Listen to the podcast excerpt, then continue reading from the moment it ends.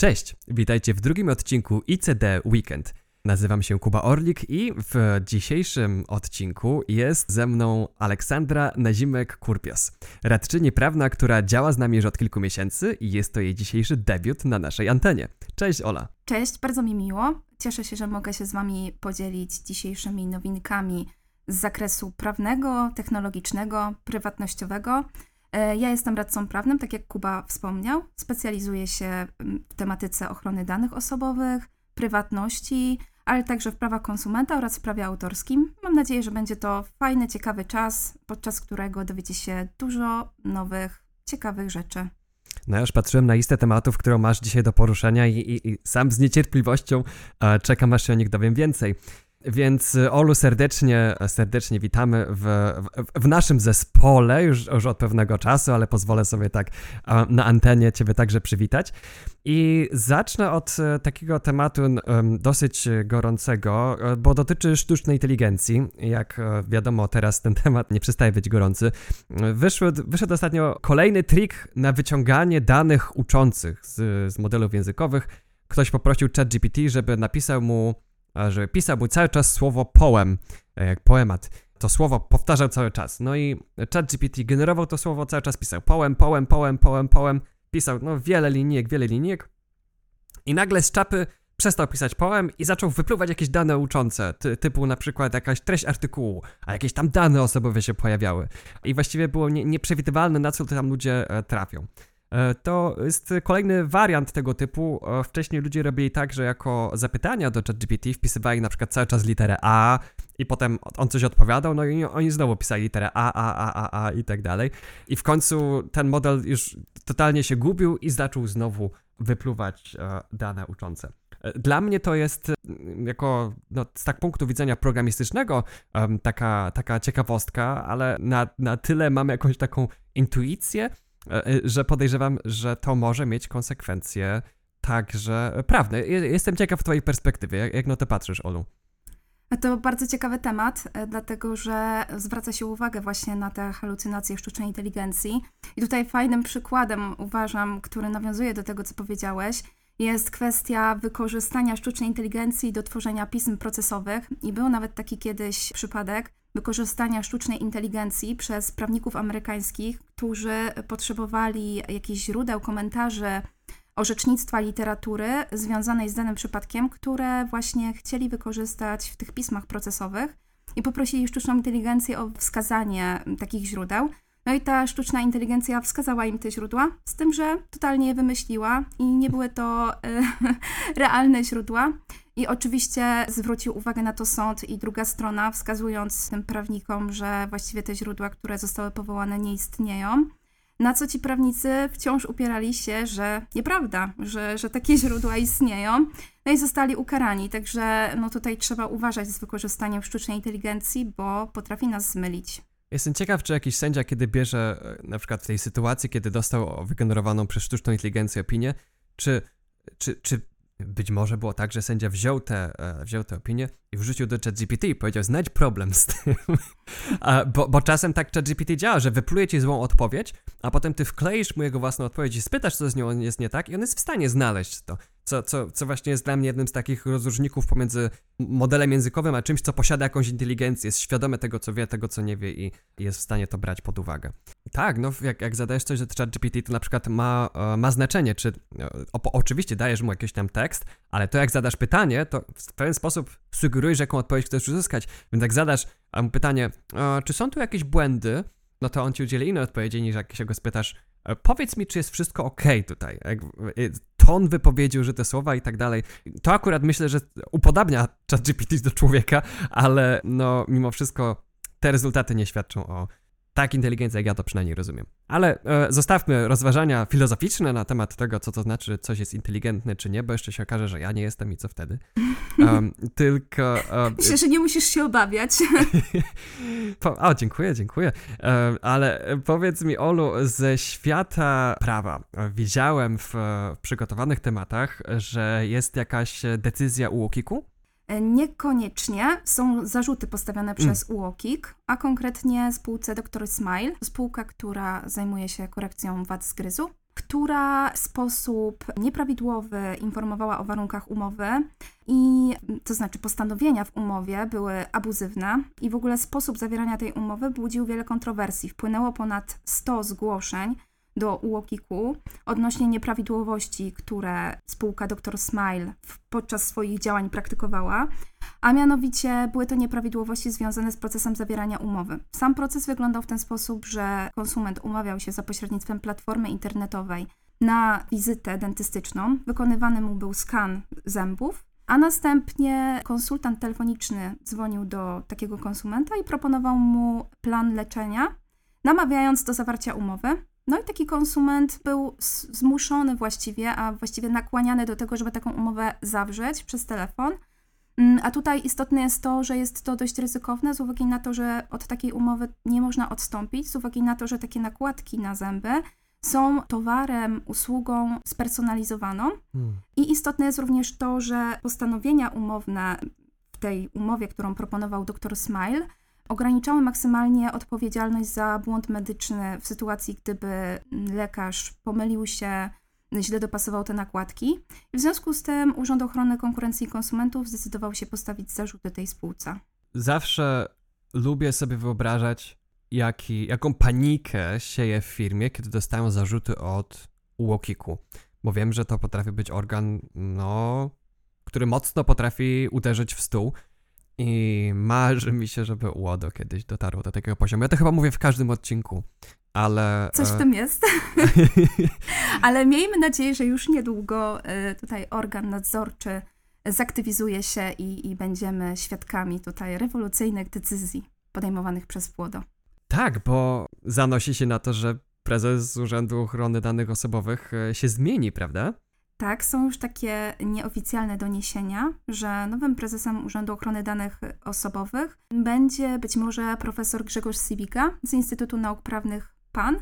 I powiem szczerze, że duże nadzieje pokładam z tą informacją. Co prawda nie jest ona jeszcze oficjalna, ale są takie pogłoski, ponieważ jest to osoba znana środowisku ochrony danych osobowych, profesor z wieloletnim doświadczeniem, autor komentarzy, wielu publikacji i osoba, która bierze udział w wielu konferencjach, szkoleniach. Także miejmy nadzieję, że te informacje potwierdzą się.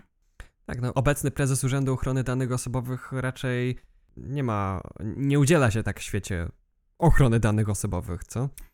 Tak, bardziej aktywny jest jego zastępca, także miejmy nadzieję, że, że ta kandydatura nieoficjalna potwierdzi się i prezes Urzędu Ochrony Danych Osobowych będzie aktywny. Oby, oby. Trzymamy kciuki mocno. Będziemy na pewno w przyszłych odcinkach raportować, jak sytuacja się rozwija i kontynuować rozliczanie urzędu z, z tego, ile rzeczy robi, a ile nie robi. Oj tak, ICD, czas działać. Dokładnie. E, mi przychodzi teraz e, kolejny temat z, z listy. E, ucieszyłem się, gdy dowiedziałem się, że Nextcloud przejmuje pieczę nad RoundCube'em. I Olu, przepraszam, że mówię szyfrem, ale postaram się to, postaram się to rozłożyć na części pierwsze. Nextcloud... A ja postaram się zrozumieć. Dobrze, umowa stoi. Nextcloud to jest oprogramowanie, z którego w ogóle korzystamy w fundacji do udostępniania plików i korzystaliśmy z niego do pracy nad tym raportem z tego, jak strony partii politycznych są lub nie zgodne z RODO. I to jest tak, że cała organizacja, która zajmuje się rozwijaniem tego, tego oprogramowania, a RoundCube to jest y, narzędzie do przeglądania poczty w przeglądarce, taki webmail, którego można postawić na swoim serwerze albo skorzystać z czyjegoś serwera w tym celu, połączyć go ze swoją pocztą i no, mieć samodzielne narzędzie do przeglądania maili, odpowiadania na maile, e, wyszukiwania maili itd. Roundcube nie jest jeszcze projektem, który osiągnął absolutne maksimum wszystkich możliwości, jakie klient pocztowy mógłby mieć, i są jeszcze e, rzeczy, w których może się udoskonalić. No i piecza Nextclouda nad tym projektem wróży dobrze. Po pierwsze, fajnie widzieć, że Roundcube, z którego no, korzystałem lata temu i czasem nawet do dzisiaj zdarza mi się korzystać, że nadal jest projektem żywym i liczę, że właśnie Nextcloud tchnie ten dodatkowy wiatr w żagle tego projektu i ten open source'owy projekt rozwinie się jeszcze bardziej. Póki co nie ma planów na to, żeby e, Roundcube zastąpił tę domyślną aplikację do maili, która jest w Nextcloudzie, ale kto wie, może w przyszłości tak się stanie. Tutaj jeszcze e, tylko czas pokaże. Ja osobiście tej domyślnej aplikacji maila w Nextcloudzie, nie, ona tak, no jest ok. Roundcube moim zdaniem jest znacznie bardziej dojrzałą aplikacją, więc bardzo bym się ucieszył, gdyby faktycznie Roundcube tego, tego Nextcloudowego maila zastąpił. No ale pozostaje tylko czekać i patrzeć. Nie wiem, czy, czy, czy było za dużo żargonu, Ola, czy nie? Całkiem znośnie. Tak, okej, uff. Staram się nadążać. Okej, okay. to fajno. A opowiedz mi o temacie skargi na Facebooka, bo wiedziałem, że Noip nawet komentował, coś tam, coś tam dużego się zadziało. Nawet nie komentował, tylko złożył tą skargę. Ach, okej, okay, no jest o krok do przodu jesteś. Yy, tak, Noip, może dla niewtajemniczonych powiem, że jest to organizacja, która została założona przez Maxa Schremsa, prawnika, aktywistę, który działa na rzecz ochrony prywatności. I pod koniec listopada Noip złożył skargę na Metę, czyli właściciela Facebooka, Instagrama, do austriackiego organu ochrony danych osobowych, kwestionując rozwiązanie, które przyjął Facebook, Instagram pod koniec listopada, właściwie na początku listopada, którym użytkownik tych portali miał możliwość wyboru albo mógł zapłacić i nie mieć spersonalizowanych reklam wyświetlanych na tych portalach, albo mógł nie płacić i mieć te reklamy. To miał być taki wybór spełniający wymóg zachowania prywatności użytkownika. I Noip zakwestionował to, twierdząc, że po pierwsze ta kwota, której wymagała Meta, była niewspółmierna i na tą prywatność stać tylko bogaczy, bo z tego co pamiętam, e, ta subskrypcja miesięczna bez reklam miała kosztować 10 euro, a w przypadku odpalania aplikacji mobilnej około 13. Natomiast te ceny mają ulec zmianie w marcu 2024 roku, mają być wyższe. No i Noip wyliczył, że taka subskrypcja bez reklam roczna może nawet oscylować w granicach 250 euro co jest dość, dosyć wysoką kwotą, zważywszy na to, że jeżeli inne aplikacje również skorzystałyby z takiego rozwiązania, no to użytkownik, tak właściwie, który chce zachować tą prywatność, nie ma ku temu sposobności, bo nie jest w stanie po prostu opłacić brak takich reklam spersonalizowanych w każdej aplikacji. I co jest w ogóle istotne, to, to nie jest całkowity brak reklam, tylko brak reklam spersonalizowanych. I te podmioty wskazują, że właściwie to użytkownik powinien się zgodzić na to, żeby te reklamy były wyświetlane, bo właściwie będzie miał dostosowane treści do swoich preferencji, że takie śledzenie w celu wyświetlania tych reklam, no to jest korzystne dla tego użytkownika. NOIP wskazuje, że nie jest tak, no i ta kwota po prostu jest znacznie wygórowana. Mm. A to była skarga złożona do y, Irlandzkiego Urzędu Ochrony Danych? Do austriackiego organu nadzorczego. Austriackiego, tak. okej. Okay. Bo tam im chyba najbliżej, nie? Już były takie sprawy związane z zaszywaniem zgody na śledzenie użytkowników w warunkach korzystania z takich platform i używania tego jako niezbędnego doświadczenia usług. I Trybunał Sprawiedliwości Unii Europejskiej to zakwestionował. Więc tutaj teraz Meta znowu próbuje jakby zaszyć te spersonalizowane reklamy jakby w innej formie. No i tutaj Noip uważa, że zrobił to w sposób nieprawidłowy. Zobaczymy, jakie rozstrzygnięcie nas czeka w tej sprawie. A jak, jak wróżysz tej sprawie? Bo rozumiem, że to się wszystko rozchodzi o to, czy taka zgoda może być uznana za dobrowolną, tak? Dokładnie, dokładnie. Ja osobiście, gdybym miała to oceniać, to uważam, że takie coś nie powinno mieć miejsca z uwagi na to, że właśnie ta kwota jest zawyżona. Natomiast jak podejdzie do tego organ nadzorczy, trudno stwierdzić, co nie zmienia faktu, że pewnie trochę mu zajmie rozstrzygnięcie w tej sprawie, a w tym czasie jakby te praktyki nadal trwają i nadal te osoby gdzieś na, na nich są wymuszane te zgody mhm. na to, żeby jednak śledzić ich i, i proponować jakieś tam treści.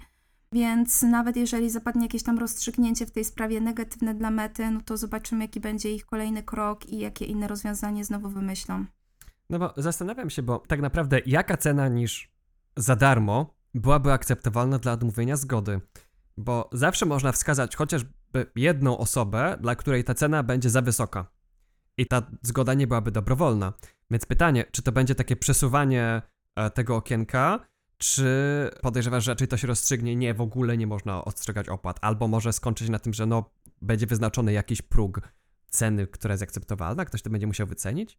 Może to być problematyczne, ale powiem Ci szczerze, że my tak daleko sięgamy, a tutaj na naszym podwórku krajowym są różne takie sytuacje związane z wymuszaniem, można powiedzieć, no ja użyję tego słowa, wymuszaniem takich zgód, a raczej obniżaniem ceny danej usługi za to, Mhm. że ktoś wyrazi zgodę na marketing.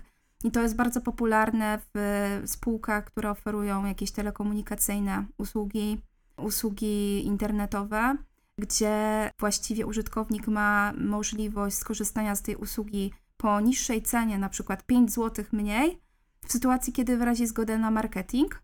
Albo też znane są przypadki, gdzie jest możliwość skorzystania z jakichś bonusów przy jakichś tam umowach świadczenia usług. Jest możliwość sko- skorzystania z bonusu w postaci jakiegoś wyjazdu albo voucheru, e, właśnie w przypadku, kiedy nie tyle ten usługobiorca skorzysta właśnie z usługi proponowanej, ale też wyrazi zgodę na ten marketing i co jest istotne, w regulaminach tych programów jest takie zastrzeżenie, że tej zgody później wycofać nie może. Wow. To już w ogóle nie jest ważna zgoda w świetle RODO, skoro jest niewycofywalna, tak? Dokładnie. Czy myślisz, że to rozstrzygnięcie dla mety w tej sprawie będzie miało wpływ na przykład na tych usługodawców e, telefonii komórkowej w Polsce?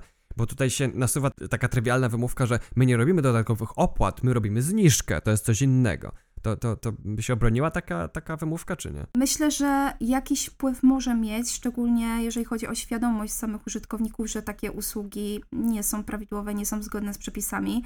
Natomiast nie ukrywam, że tutaj e, istotna jest aktywność naszego krajowego organu nadzorczego, który w przypadku, kiedy wskaże, jakie praktyki są zakazane, jakie są niepożądane, mm, no jednak będzie miało to większy oddźwięk u nas na naszym krajowym podwórku. Wszystko w rękach łodo. W mojej ocenie tak. Okej. A Dzięki za to. Ja w, w następnej kolejności mam temat zdecydowanie mniej prawniczy. Tutaj taka ciekawostka technologiczna mi się wysunęła, bo ucieszyłem się z faktu, że IKEA wypuszcza trzy nowe urządzenia Smart Home. One będą wypuszczone w, jak- jakoś w przyszłym roku mają być e, wpuszczone do sprzedaży. E, To są trzy czujniki. E, Czujnik otwierania drzwi, czujnik ruchu i czujnik zalania. Tak samo jak inne urządzenia Smart Home od IKEA, one wspierają protokół Zigbee. I, I to jest źródło mojej radości, że jest no, taka duża firma i produkuje sprzęty, które obsługują ten protokół. To jest taki protokół bezprzewodowy dla urządzeń Smart Home, dzięki któremu można mieć w domu urządzenia różnych firm, ale nadal sterować nimi za pomocą jednej centralki. No to jest po prostu taki interoperacyjny protokół. Mogę mieć właśnie, nie wiem, żarówkę jednej firmy, zawór do kaloryfera innej firmy, a nadal wszystko sobie za pomocą Home Assistanta e, sterować. E, W szczególności sobie upatrzyłem ten czujnik e, zalania, bo ten czujnik zalania jest e, nie tylko smart, ale jest także dumb. To znaczy, że on ma takie dwie funkcje, że oczywiście jak na przykład wykryje zalanie, to może włączyć jakiś program albo wysłać jakieś powiadomienie czy coś takiego, ale też po prostu ma piszczyk, który jak wykryje zalanie będzie piszczał 60 decybeli, że nawet jak nie ma internetu, no to ktoś na to uwagę może, może zwrócić. I to, to, jest, to jest dla mnie znak takiego bardzo inteligentnego designu tak naprawdę, że jest także jakaś, jakiś plan B na wypadek, kiedy no właśnie, nie ma internetu albo, albo coś innego może pójść nie tak. A że już raz miałem przygodę z zalewaniem e, sąsiadów z dołu, to wolałbym tego, wolałbym tego uniknąć. Więc y, duży plus. Tak, Zigbee było to, co mnie, czy- co mnie przekonało w ogóle do stawiania smart home, bo wcześniej miałem przekonanie, że o, wszystko musi być jednej firmy, ktoś mi może zainstalować jakieś aktualizacje, ale wiele urządzeń, które komunikują się po Zigbee, działa tak, że można w nich w ogóle nadpisać oprogramowanie, które w nich jest, po prostu się podłącza kablem i się wgrywa inne oprogramowanie niż jest, a no, kontrola nad technologią to jest to, co te gryski lubią najbardziej, więc zdecydowanie dobre wieści tutaj. Nawet mnie przekonałeś. Dobrze. o, może IKEA mi coś zapłaci za to. Następny na liście mam e, temat dotyczący tuż troszeczkę bardziej zbieżny prawnie e, z Digital Millennium Copyright Act, DMCA tak zwane. To jest e, prawo, które obowiązuje w Ameryce e, dotyczące świata cyfrowego i zdejmowania nielegalnych treści z internetu, no, które jest niestety notorycznie nadużywane, kiedy wielkie korporacje mają jakieś, znajdują jakieś niewygodne dla nich treści, czasem nawet recenzje gier, które są negatywne, no to używają DMCA, mówiąc, no w tej recenzji jest używana nazwa naszej gry, albo screenshoty, czy, czy nagrania, więc y, my sobie, e, my nie pozwalamy, żeby, żeby ta strona była i prosimy ją zdjąć. No i, no i, no i strony mają obowiązek tymczasowo zdjąć tę stronę, jest cały mechanizm odwołania się, ale dla twórców treści no to jest, y, to jest krytyczny problem, no bo najwięcej obejrzeń jest tuż po publikacji filmu. Jeżeli tuż po publikacji filmu e, film zostanie zdjęty, no to nawet jeżeli on potem zostanie przywrócony, a o to przywrócenie tak czy jak trudno, no to już się tych, tych odwiedzin nie, nie uzyska, tych obejrzeń. I tutaj e, konkretna wiadomość, która przywiodła ten temat na dzisiejszy odcinek, to było to, że twórca aplikacji na Android TV też doświadczył zdjęcia tej aplikacji ze sklepu z powodu DMCA. No i tutaj Warner Bros. się przyczepiło i jako powód zdjęcia powiedział, że można wyświetlić stronę Warner Bros. w tej aplikacji, bo ta aplikacja to była przeglądarka internetowa z, e, no, z także menedżerem plików, więc można było zobaczyć, jakie pliki się pobrało i tak dalej. I taki donos DMCA, takie zgłoszenie na podstawie DMCA, takedown notice tak zwane, było, było powodem dla, tego, dla którego ta aplikacja znikała. No i cała była batalia tego, żeby tę aplikację e, przywrócić, no ale ostatecznie deweloper jest bardzo często na przegranej pozycji, bo tutaj nadużycia tego, tego prawa zdarzają się notorycznie. Taki komentarz, który mi się nasuwa, no to jest taki, że to ewidentnie to prawo jest zaprojektowane tak, żeby raczej chronić duże podmioty właścicieli praw autorskich, ale tak naprawdę ludziom, użytkownikom technologii życie uprzykrza, bo to nie była aplikacja, w której ktoś, nie wiem, wypuszczał coś do piracenia filmów albo do obchodzenia jakichś zabezpieczeń. No to jest przeglądarka z pobierajką plików. Mniej złożona od tego, co Firefox czy Chrome potrafią w wersji desktopowej. Więc, więc taki jest komentarz z mojej strony. Nie wiem, czy tobie się nasuwa jakiś komentarz, Olu? W mojej ocenie, jeżeli chodzi o takie duże platformy, które umożliwiają wrzucanie różnorodnych treści, czy to prawno-autorskich, jakichś tam utworów, czy, czy wypowiedzi, to faktycznie takiemu operatorowi, wydawcy takiego portalu trudno jest zapanować nad tym, jakie faktycznie tam treści są wrzucane. Powinien oczywiście taki portal mieć jakieś tam mechanizmy służące wykrywaniu tego, Natomiast generalnie w mojej ocenie takie weryfikowanie zgłoszeń odnośnie nieprawidłowości powinno być mocniej analizowane, to znaczy dokładniej takie zgłoszenia powinny być analizowane ze względu na to, że mogą często być nieprawdziwe i, i mogą to być jakieś tam pogłoski, a niekoniecznie sprawdzone informacje i te naruszenia faktycznie mogą nie występować w praktyce. Natomiast to nie zmienia faktu, że te platformy często zdecydowają się usuwać te treści albo je blokować z uwagi na to, że zdają sobie sprawę z odpowiedzialności, która może ich spotkać w sytuacji, w której nie zareagują odpowiednio bądź nie zareagują wcale. Natomiast ciekawym aspektem jest wprowadzenie aktu o usługach cyfrowych, czyli DSA, które już czeka nas właściwie w lutym 2024 roku, gdzie te obowiązki weryfikacji i rozpoznawania zgłoszeń będą jeszcze bardziej sformalizowane i będzie cała taka procedura związana z tym, jak dany podmiot ma rozpoznać takie zgłoszenia. To tyczy się takich dużych, no można powiedzieć, gigantów na rynku, ale będzie to znacznie bardziej sformalizowane i, i ten proces będzie bardziej skomplikowany. I wydaje mi się, że niestety pójdzie to w tą stronę, że te podmioty, chcąc właśnie uniknąć odpowiedzialności, będą to robiły w sposób automatyczny i niekoniecznie prawidłowy. Aha, czyli może nas czekać e, powtórka z e, tego, co się dzieje z DMCA, tylko za pomocą DSA, tak? Dokładnie. Czyli będzie tyle obostrzeń, że raczej duże podmioty będą sobie stwierdzili, a dobra, posłuchamy tego, co ta wielka firma chce, bo tutaj mamy interes dużej firmy kontra małej osoby, no raczej, e, raczej nam ta mała mróweczka nic nie zrobi, a ta duża firma mogłaby nam jakieś problemy robić, gdyby, gdybyśmy ich zgłoszenia nie rozpatrzyli według ich myśli, tak? Raczej taka jednostka, która dokona zgłoszenia, będzie musiała być w sposób e, bardzo szybki mm, obsłużona, to znaczy jej zgłoszenie będzie musiało podlegać szybkiej weryfikacji w uwzględniających akt o usługach cyfrowych e, ramach czasowych.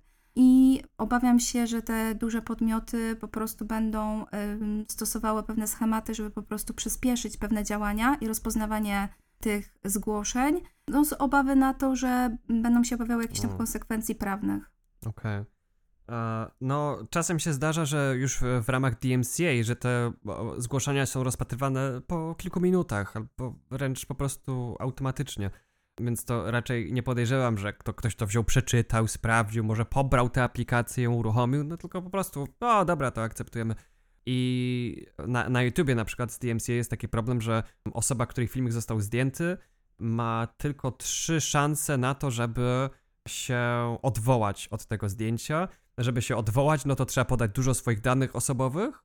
No i nadal to jest w gestii Google, czy to uznają to odwołanie, czy nie. Jeżeli trzy razy się zgłosi odwołanie, którego oni nie uznają, no to wtedy się traci w ogóle możliwość e, mm, zgłaszania sprzeciwów na, już do końca. Już, już jest po prostu wystrzelane. Wow. Tak.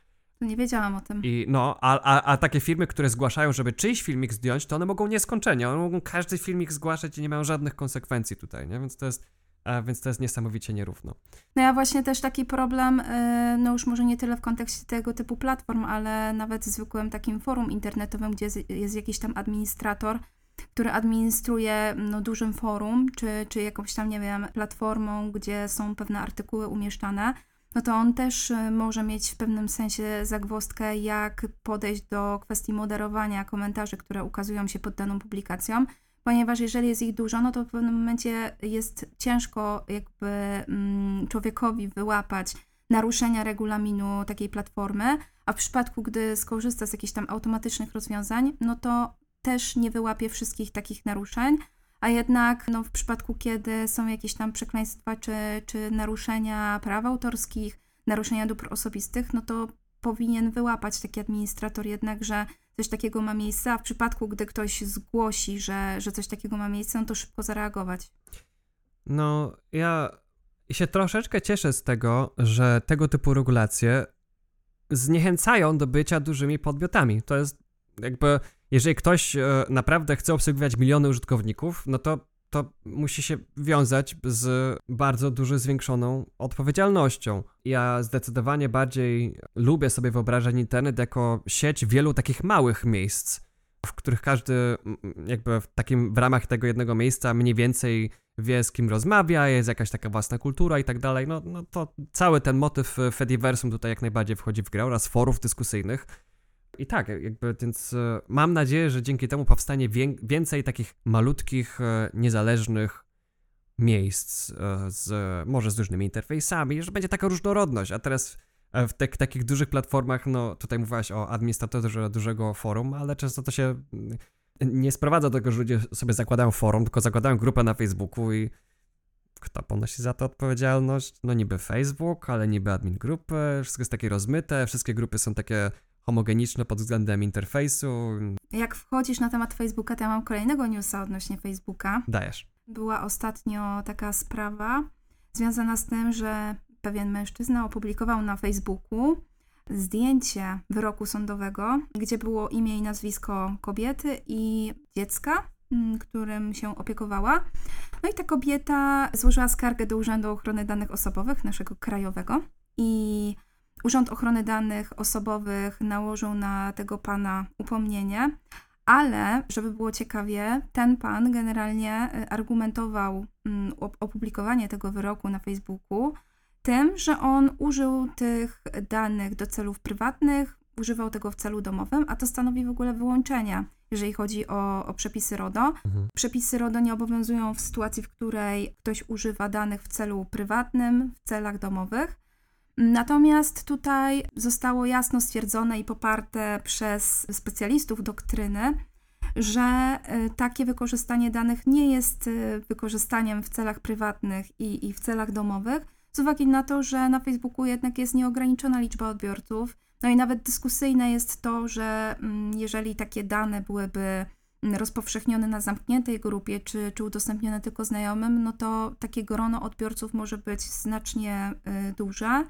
Mm, to raz, a dwa, że wykorzystanie e, w celach prywatnych nie jest równoznaczne z rozpowszechnieniem, bo w sytuacji, kiedy publikujemy coś na Facebooku, e, jest to już rozpowszechnienie i nigdy nie wiemy, co ci odbiorcy zrobią później z tymi informacjami, czy ich nie powielą.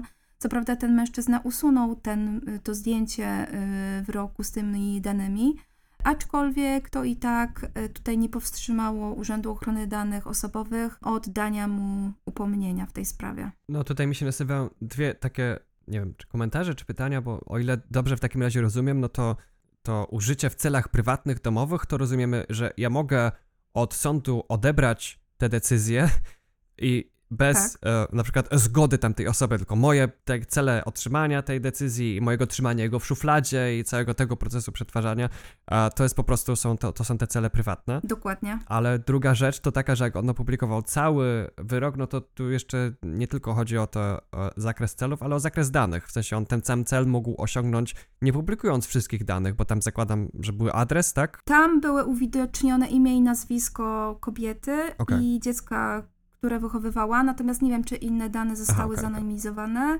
czy, y, czy również było opublikowane, bo jakby mm, publikacje na ten temat, no to odnosiły się tylko do imienia, nazwiska kobiety i imienia, nazwiska dziecka. Okej, okej, okej. Też trudno mi sobie wyobrazić cel wrzucania takiej publikacji na Facebooka, jaki cel przyświecał tej osobie, żeby udostępniać fragment takiego wyroku. Myślę, że no, to- no, to jakaś prywata była, nie? Między, e, między jedną osobą, drugą i...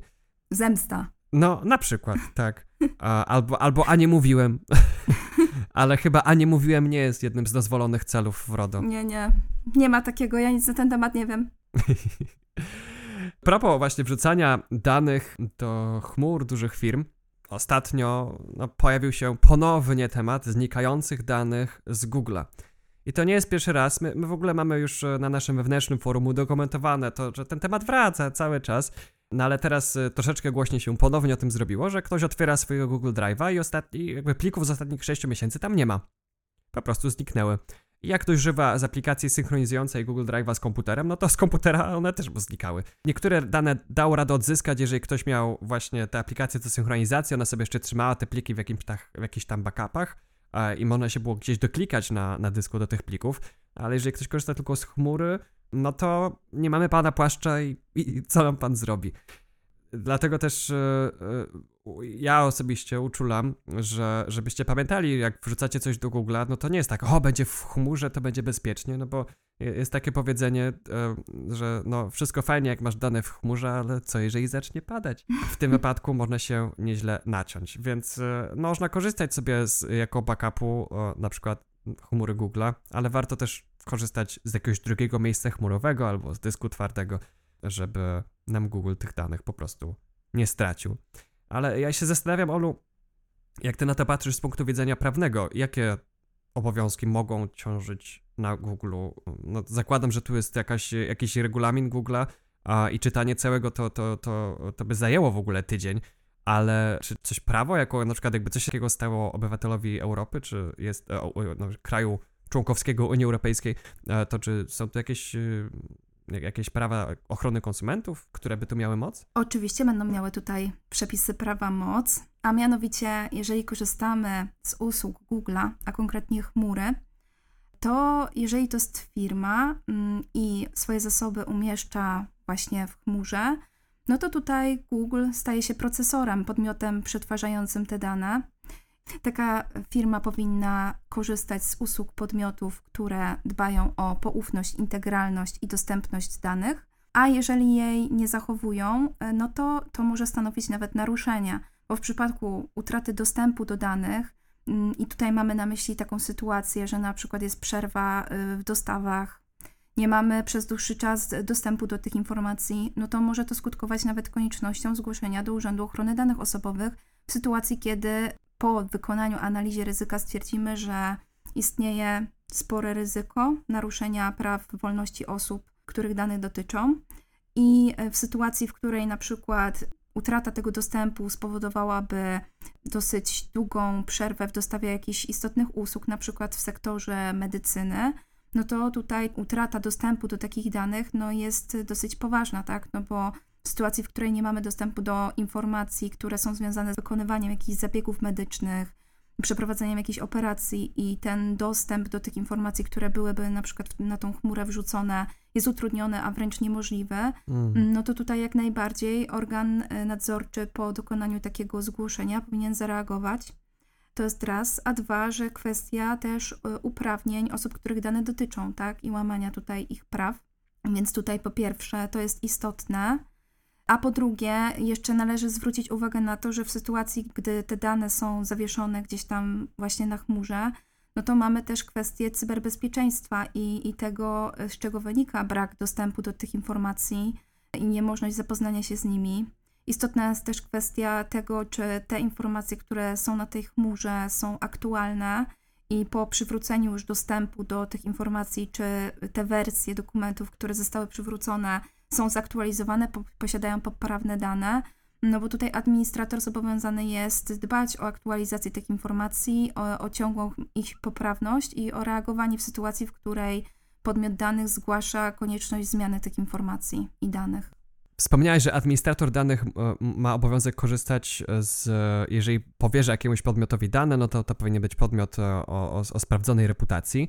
Czy w takim razie, skoro jest tyle udokumentowanych przypadków, w których Google traci dane, to czy można powiedzieć, że to jest sprawdzony dostawca?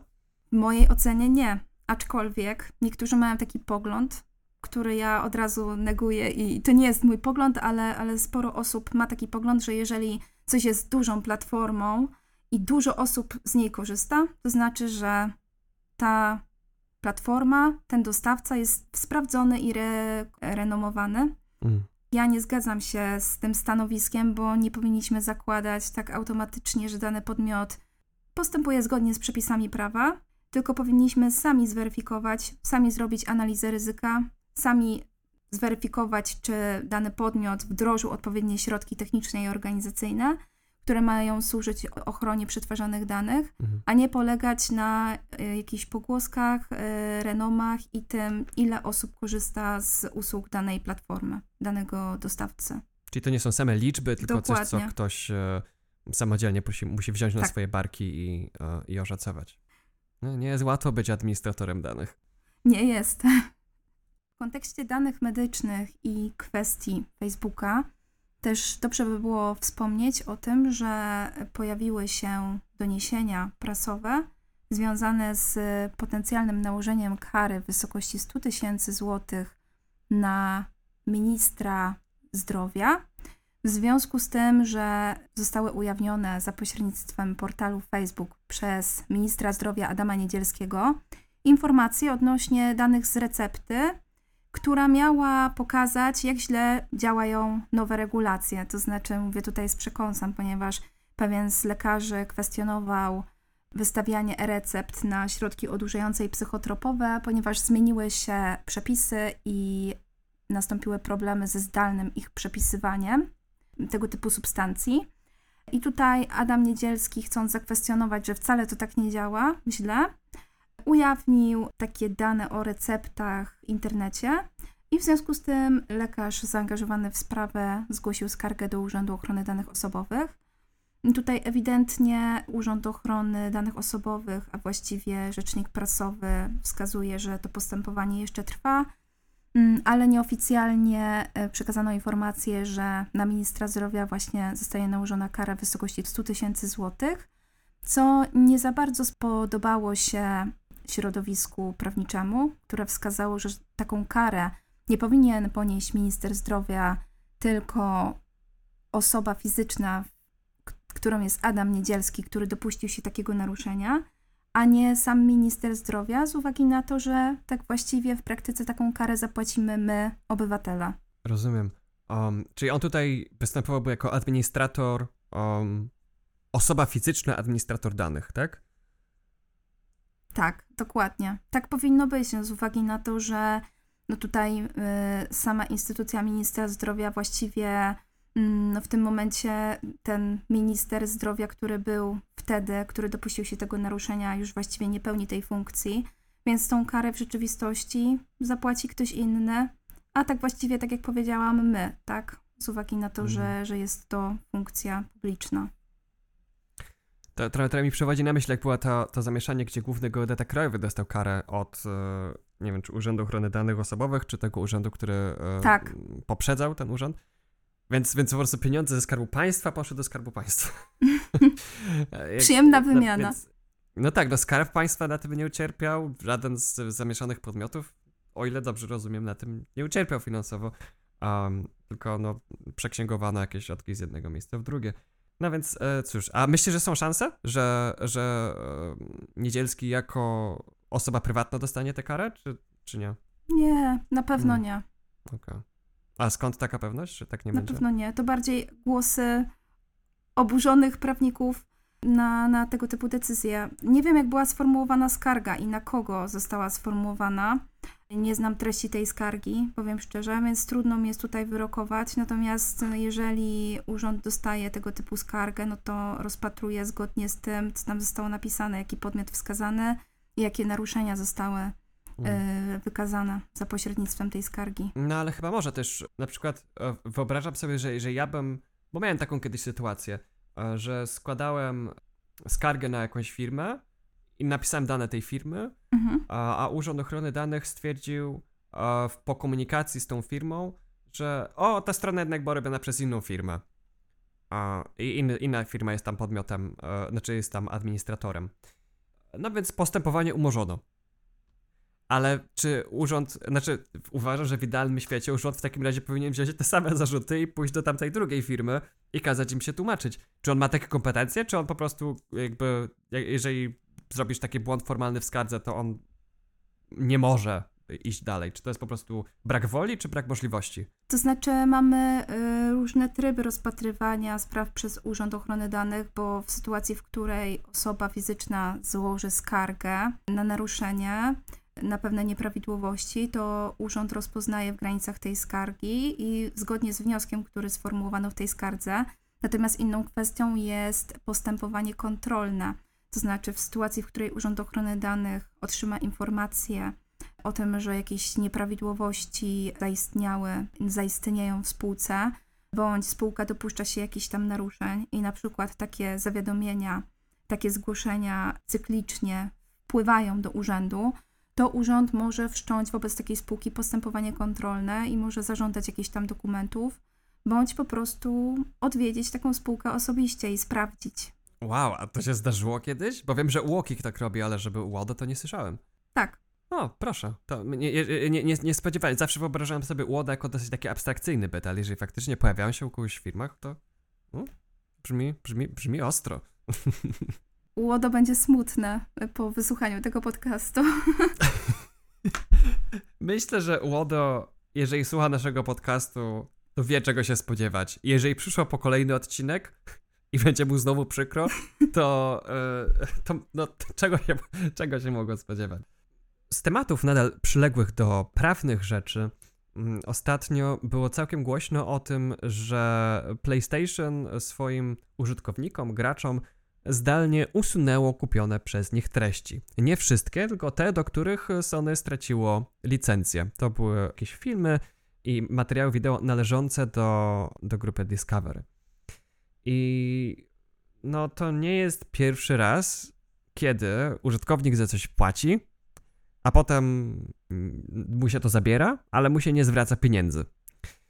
Tak samo było z e, przypadkiem e, e-booków Microsoftu kiedyś, e, że też był jakiś taki termin, do, po którym po prostu e-booki już nie działały, za które się zapłaciło i które się pobrało. Więc bardzo mi się spodobał taki komentarz na Fediversum, który ktoś podrzucił, że skoro kupienie czegoś nie oznacza posiadania tego, no to piractwo tego nie oznacza kradzieży tego.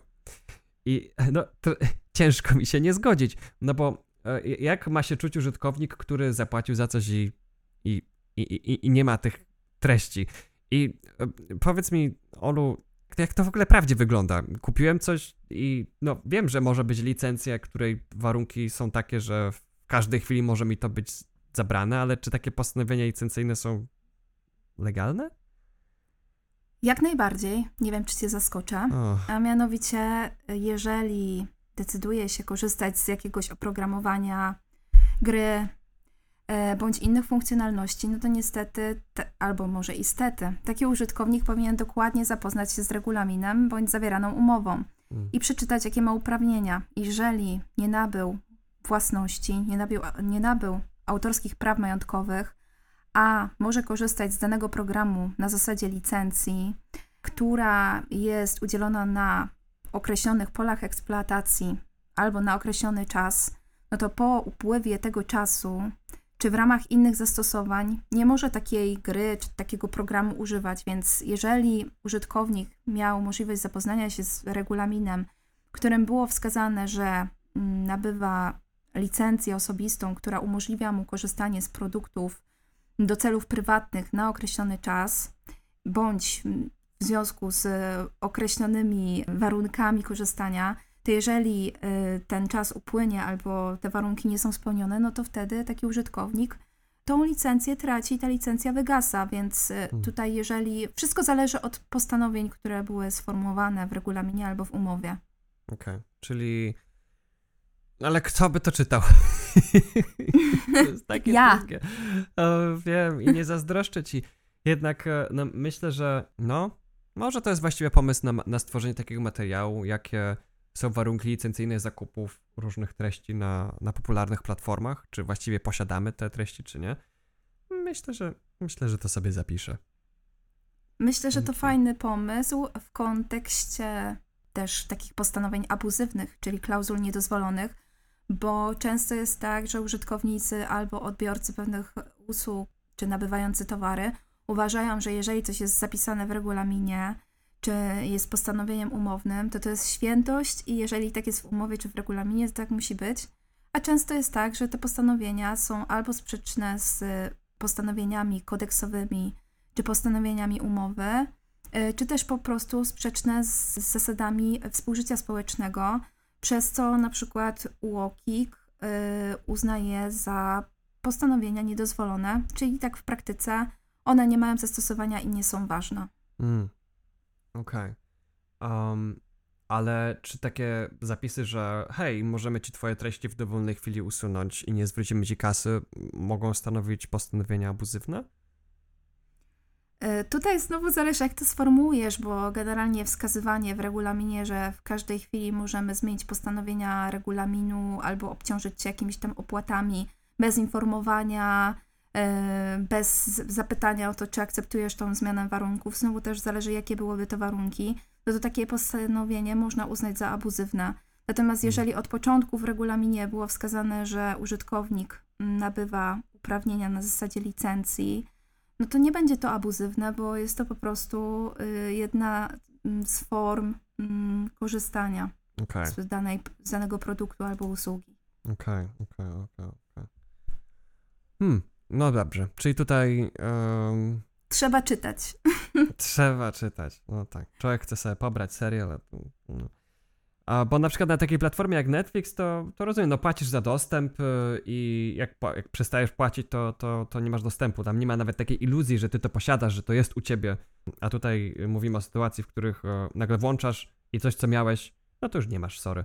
Ale no, faktycznie, no, tak, tak sucho patrząc, jeżeli użytkownik się zgodził na takie warunki licencyjne, um, to, no to, to z tej sytuacji może być co najwyżej nauczka dla nas wszystkich, żebyśmy, tak jak mówiłaś, czytali. Tak, choć tak jak powiedziałeś, to czasami y, nie jest proste. Mhm. Szczególnie gdy takie regulaminy mają dużo postanowień i, i są obszerne. Albo są sformułowane trudnym językiem. No właśnie. A jak są sformułowane trudnym językiem, to one są ważne, czy nie? No też można to oczywiście podważyć, bo um, powinny być sformułowane w sposób zrozumiały dla użytkownika, dla przeciętnego użytkownika. Mhm. I tu znowu jest dyskusja na temat tego, co to znaczy, że użytkownik jest um, tym takim przeciętnym użytkownikiem. Mhm. Um, bo jak ocenić osobę, która jest zaawansowana technologicznie i mm, rozumie pewne pojęcia, albo jest na przykład prawnikiem i rozumie e, pojęcia takie bardziej formalne, takie kodeksowe, jak ocenić osobę, która jest na przykład emerytem albo no, jest młoda, albo wykonuje inne zawody i na przykład nie rozumie tych pojęć. Jak zestawić jakby to zrozumienie tych sformułowań w kontekście takiej osoby wyspecjalizowanej i osoby, która gdzieś jest laikiem. Mm, no bo trudno sobie wyobrazić, że ktoś by szedł do programisty o opinię, czy ta licencja jest dobra, czy nie, i potem jeszcze do prawnika o opinię, czy ta licencja jest dobra, czy nie, i potem wraca do domu i klika, klika tak, zgadzam się. Um, więc, e, ale rozumiem, że to jest dyskusja otwarta, nie ma tutaj jakiegoś e, jeszcze konsensusu wśród specjalistów. No generalnie uznaje się, że ten język powinien być taki, no po prostu, no zrozumiały, nie powiem, że potoczny, no ale po prostu zrozumiały bez używania takich naleciałości i takich sformułowań, które są bardzo branżowe, No, bym okej, powiedziała. okej, okej, okej. Be- Bez żargonu. Czyli nie tak jak my w Dokładnie. e, e, początkowych odcinkach internet czas działać te, te dwa czy trzy lata temu. Ja się bardzo staram mówić bardzo prostym językiem. E, Doceniam, nawet ja rozumiem. I ostatni temat, y, jaki, jaki mam na liście do omówienia, to jest już wiadomość, y, myślę, jednoznacznie pozytywna. E, Wyszła nowa wersja PeerTube'a. Już jest PeerTube 6.0, który ma kilka nowych fajnych funkcji, jak na przykład zabezpieczanie filmów e, hasłami, czyli możemy zrobić nie tylko filmiki, które są e, widoczne tylko dla osób, które mają linka, ale jeszcze dodatkowo chronić je hasłami i nawet tworzyć wiele haseł dla różnych osób, żeby mieć większą kontrolę nad tym, kto może oglądać te filmiki, jak to nie. Mm, Jest e, wreszcie podgląd e, wideo, czyli jak, jak przesuwamy kursorem po pasku e, pozycji odtwarzacza, gdzie on jest, e, na której minucie, no to widzimy podgląd tego, gdzie, do jakiej części filmu nas zaprowadzi, gdy to klikniemy. To, to większość takich dużych platform wideo ma i PeerTube teraz również. E, Można nadpisywać wersję wideo, więc jak e, zrobimy jakąś literówkę na przykład w jakimś filmie albo coś trzeba zrobić inaczej, no to można po prostu ten sam filmik razem z opisem, jego linkiem i ilością obejrzeń nadpisać, wysłać nowe. Administratorzy mają opcję, czy ta funkcja ma być włączona, czy nie, no bo wiadomo, e, różne stopnie zaufania pomiędzy administratorem a użytkownikami danej instancji PeerTube'a mogą być, ale na pewno my jako fundacja, która ma własną instancję PeerTube'a się mm, cieszymy, że można po prostu taką, taką opcję mieć. Ale no jak ktoś ma wiele użytkowników, którym nie ufa, no to byłoby dziwne, gdyby filmik e, ze słodkim kotkiem podmienił na jakieś hardkorowe, nielegalne treści. I dodatkowo, o, i można, można oznaczać timestampy w filmikach, dzielić je na takie podrozdziały, tak samo jak można to było zrobić dotychczasowo na YouTubie. Nasza Brzmi instancja... super. Prawda? Już naprawdę jest, i to jest wszystko projekt otwarty i, i, i robiony przez tę fundację czy organizację Framasoft, więc e, naprawdę e, duże, e, duże wyrazy szacunku dla nich i dla całej tej społeczności, która pracuje nad tą aplikacją. My niestety jesteśmy do tyłu, jeżeli chodzi o wersję PeerTube'a, więc tutaj no, sypię głowę popiołem i patrząc na te dane o tym, co jest nowego w wersji 6.0, no to nie, tym bardziej czuję się zobligowany, żeby, żeby tę wersję zainstalować. Ale no, doba ma tylko 24 godziny. I obiecuję, że w końcu się do tego dokopię i em, osoby, które oglądają nas na PeerTubie będą mogły także doświadczyć e, tych wszystkich fajnych feature'ów. Zatem wydaje się, że dopłynęliśmy do brzegu. Dziękuję Ci, Olu, za Twój e, podcastowy debiut. Tak zakulisowo mogę powiedzieć naszym słuchaczom, że nie obyło się e, bez problemów technicznych. Jednak Ola dzielnie i z dużą cierpliwością dla e, mojego, moich próby zaradzenia tym problemom e, stawiła temu czoła i już zapewne całkiem niedługo usłyszycie ją na antenie naszego podcastu. Widzisz, płynęliśmy, płynęliśmy i dopłynęliśmy, nie utonęliśmy. nie, nie, zdecydowanie nie utonęliśmy. Ja za każdym razem jestem pełen e, podziwu, bo jak sobie z, na początku gromadzimy te materiały, to jest, e, no tutaj wrzucimy jakieś linki, tutaj coś, tutaj jakieś komentarze a, i, i tak patrzę na to, no tutaj linki to tam taki 20-minutowy, lightowy odcinek. Teraz patrzę na czas nagrywania i mamy już nagrane e, godzinę 40, z czego część to jest e, zarejestrowane, są zarejestrowane nasze próby naprawy e, różnych ustalek, które się pojawiają po drodze i wszechświata, tak, ale to każdy odcinek akurat. E, Dla tych z Was, którzy dosłuchali nas do końca, serdecznie dziękuję i chciałbym teraz poświęcić troszeczkę czasu na opowiedzenie o naszych patronach. Jeżeli przypadł Ci do gustu nasz podcast, zachęcamy do wspierania nas na Patronite i na LiberaPay. Umożliwia nam to pokrywanie kosztów naszej inicjatywy, takich jak serwery, na których utrzymujemy nasze strony, filmy i podcasty, czy ilustracje do naszych artykułów. Na Patronite można wybrać trzy kwoty wsparcia.